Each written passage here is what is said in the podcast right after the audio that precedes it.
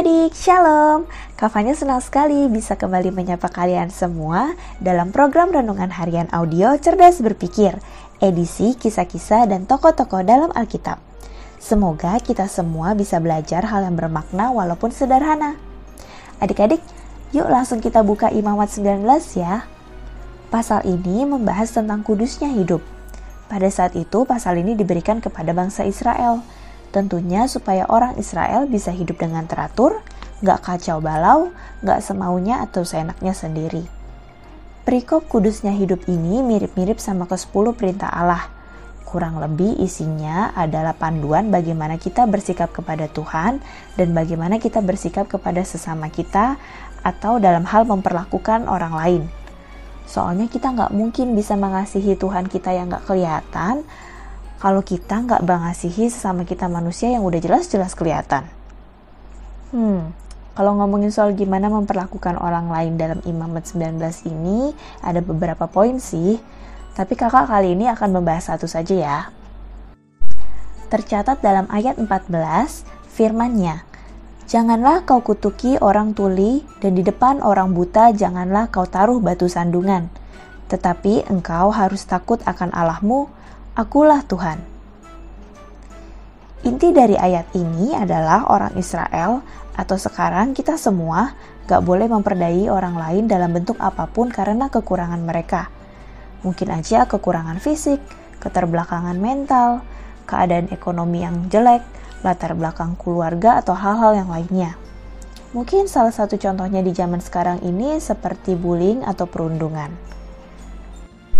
Nah, adik-adik juga harus tahu bahwa tindakan memperdayai orang lain dalam bentuk apa pun karena kekurangannya itu adalah salah satu bentuk pelanggaran hak asasi manusia. Semua manusia memiliki hak yang sama untuk diterima oleh sesamanya. Lagian di samping itu, contohnya seperti seseorang yang memiliki keterbelakangan fisik. Dia nggak akan pernah minta kok untuk dilahirkan seperti itu, dan jadinya ya itu merupakan hal yang gak adil atau gak fair buat kita apabila kita mengolok-ngolok dia, memperdayai dia karena kekurangannya. Di ayat 14 tadi ada kata-kata, tetapi engkau harus takut kepada Tuhan Allahmu. Nah, itu artinya saat kita memperdayai orang lain karena kekurangannya, berarti kita itu nggak takut sama Tuhan. Karena Tuhanlah yang menciptakan manusia. Kita semua diciptakan Tuhan dalam bentuk rupa yang sama, sama seperti gambaran citranya. Jadi kalau kita memperdayai sesama, berarti kita sedang menghina Tuhan penciptanya. Lagian nih ya, Tuhan bukan hanya mengasihi kita, dia mengasihi semua manusia. Cintanya sama untuk semua manusia.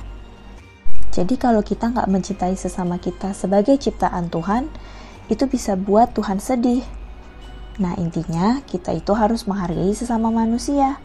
Kalau kita mengasihi Tuhan, kita akan menghargai ciptaan Tuhan. Nah, adik-adik, mari kita bersatu di dalam doa. Tuhan Yesus yang Maha Baik, terima kasih ya Bapak atas firman-Mu sekali lagi yang Kau izinkan kami dengarkan melalui renungan harian audio cerdas berpikir ini. Kami belajar ya Tuhan bahwa kami semua adalah ciptaan-Mu yang berharga, bahwa setiap kami adalah sama Tuhan di matamu. Kami semua sempurna Tuhan di matamu, kami semua adalah ciptaan-Mu yang berharga dan mulia. Kami mengucap syukur Tuhan atas cinta kasih-Mu terhadap kami dan kami mau belajar ya Bapa untuk menghargai cinta kasih-Mu itu dengan cara menghargai sesama kami, mengasihi dan melindungi sesama kami. Terima kasih ya Tuhan atas kondisi fisik kami yang baik, atas kesehatan yang baik, atas keluarga yang baik, kondisi pendidikan Tuhan atau pekerjaan yang boleh kami miliki. Kiranya ya Bapa, melalui seluruh kegiatan kehidupan aktivitas kami ini, kami dapat memuliakan namamu, mengasihimu secara lebih lagi dengan luar biasa lagi. Terima kasih ya Bapa atas segala berkatmu, lindungi kami ya Tuhan, dan ampuni kami atas segala dosa dan kekurangan kami. Terima kasih Tuhan Yesus yang baik, hanya di dalam namamu kami bersatu di dalam doa. Haleluya, amin. Oke, kafanya undur diri dulu ya. Tetap sehat, tetap semangat, dan tetap jadi berkat. Jangan lupa bahagia. Tuhan Yesus memberkati. Dadah!